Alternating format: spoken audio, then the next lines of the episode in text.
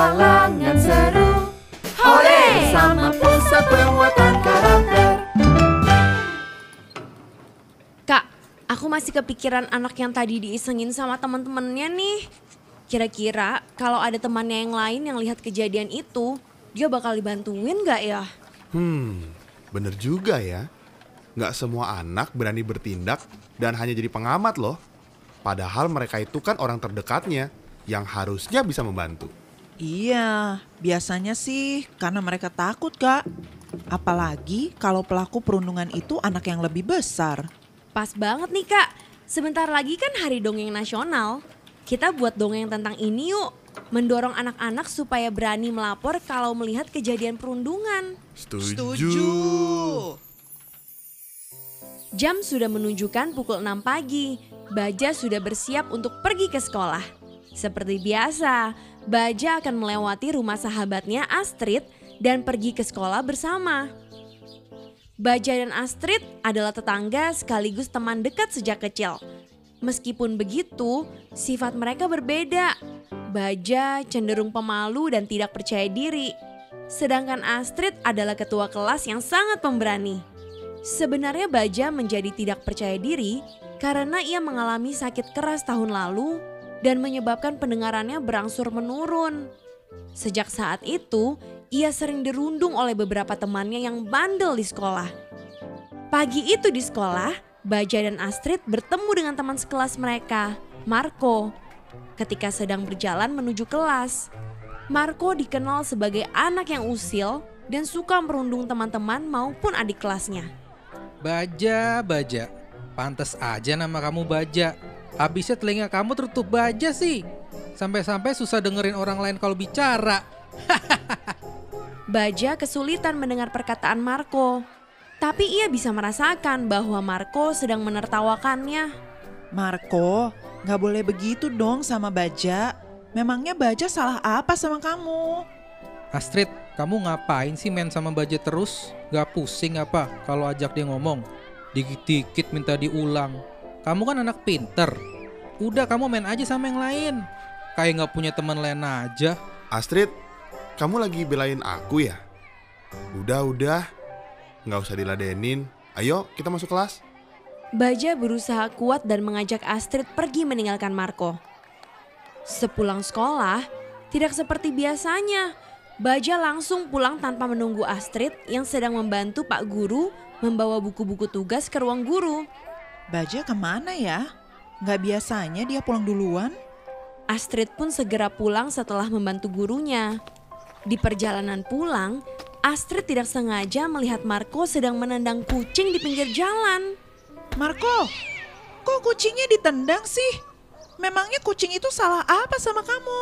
Eh Astrid, udah kamu diem aja deh. Aku lagi kesel. Marco pun segera berlari meninggalkan Astrid. Bingung melihat kelakuan teman sekelasnya itu, Astrid meneruskan perjalanannya ke rumah. Keesokan harinya, seperti biasa Astrid menunggu Baja di depan rumah untuk pergi ke sekolah bersama. Tapi setelah 10 menit menunggu, Baja tak kunjung datang. Akhirnya Astrid pamit kepada orang tuanya untuk pergi ke sekolah. Loh, kamu nggak ke sekolah sama Baja? Enggak, Pak. Nggak tahu nih Baja ke mana. Kemarin, Papa nggak sengaja ketemu sama mamanya Baja. Katanya Baja nangis seharian di kamar. Kamu tahu nggak sih apa yang terjadi di sekolah?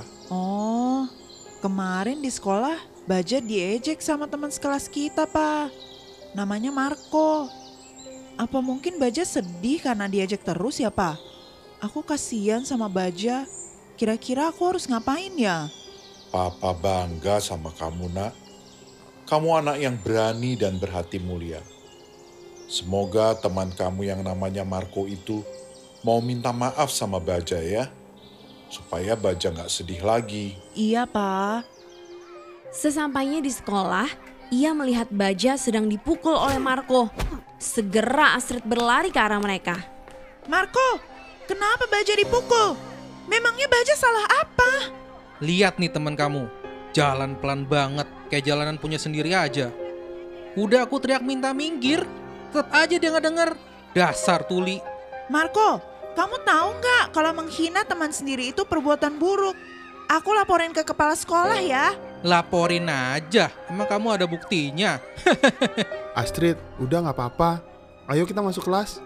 Astrid masih kesal dengan perbuatan Marco yang merundung baja terus-terusan. Ia pun berpikir keras bagaimana caranya supaya bisa menolong baja. Hari itu, ibu guru mengumumkan lomba perayaan akhir semester sekolah. Baja, kamu harus ikutan nih lomba menggambar. Gambar kamu kan bagus banget. Aku nggak pede nih. Kamu tahu kan, pendengaran aku kurang bagus. Aku takut nanti diketawain sama peserta-peserta lain. Baja, mama aku bilang kalau setiap anak dilahirkan dengan kelebihan masing-masing. Kelebihan kamu itu menggambar, jadi kamu harus syukuri dan kembangin. Kayak aku nih, hobi aku kan menari. Jadi aku mau ikutan lomba menari. Terima kasih ya Astrid. Kamu baik banget. Coba semua teman-teman di sekolah baik kayak kamu. Astrid senang karena bisa menyemangati Baja. Satu hari sebelum lomba, Baja dan Astrid janjian untuk berlatih menggambar dan menari di rumah Astrid sepulang sekolah. Karena asik berlatih, tidak terasa hari sudah mulai petang. Wah, sudah mulai gelap nih. Aku udah mau dijemput sama mama. Aku pulang dulu ya. Oh iya ya, nggak berasa. Semangat ya besok lombanya. Kita pasti bisa. Tos!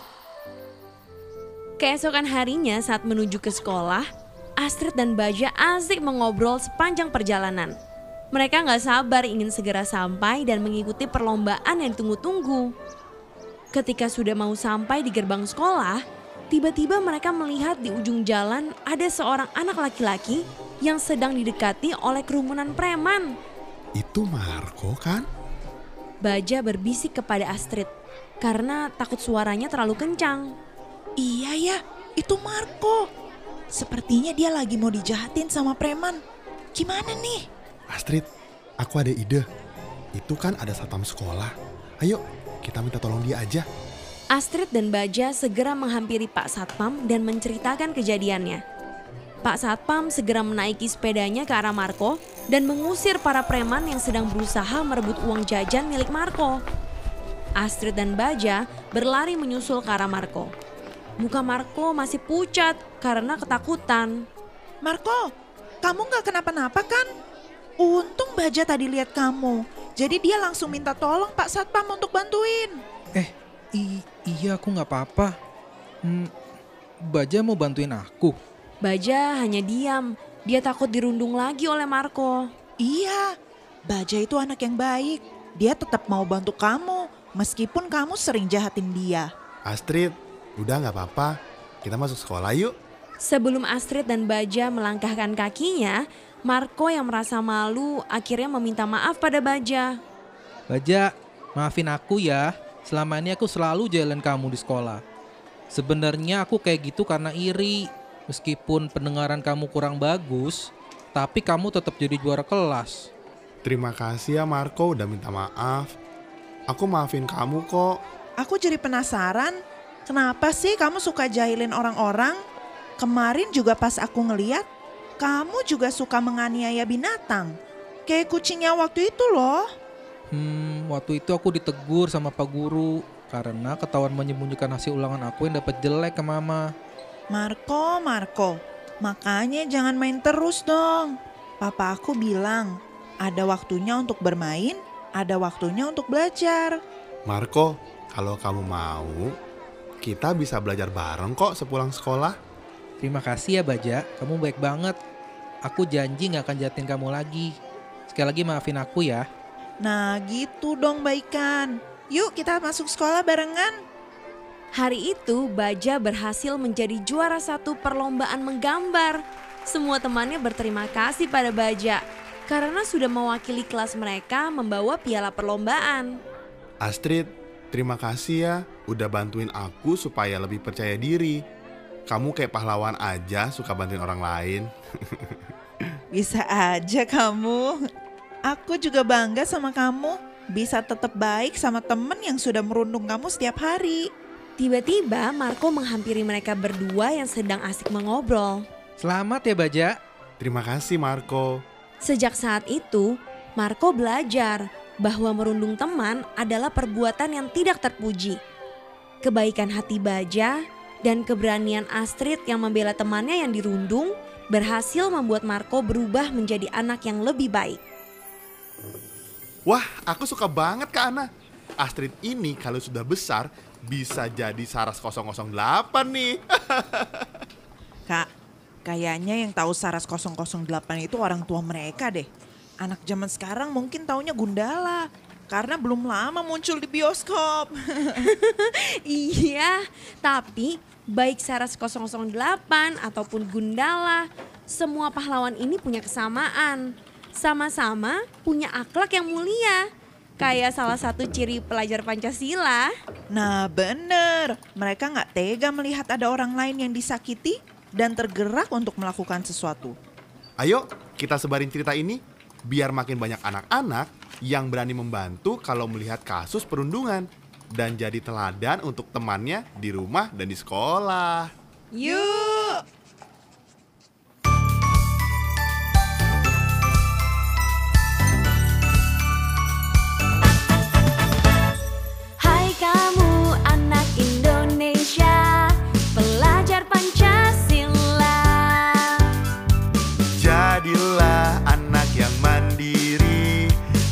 Kreatif bernalar kritis.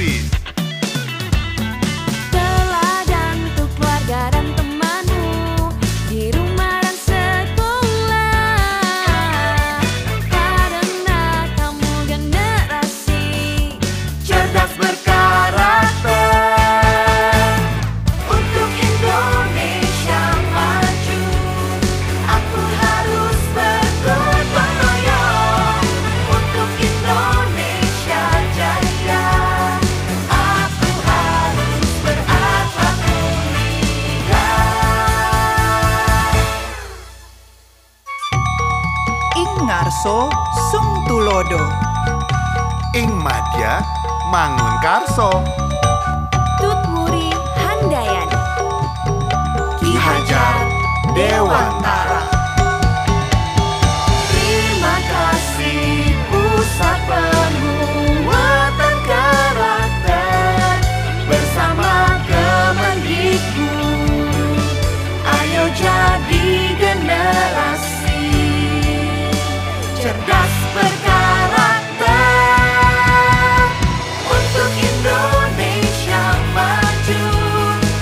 좀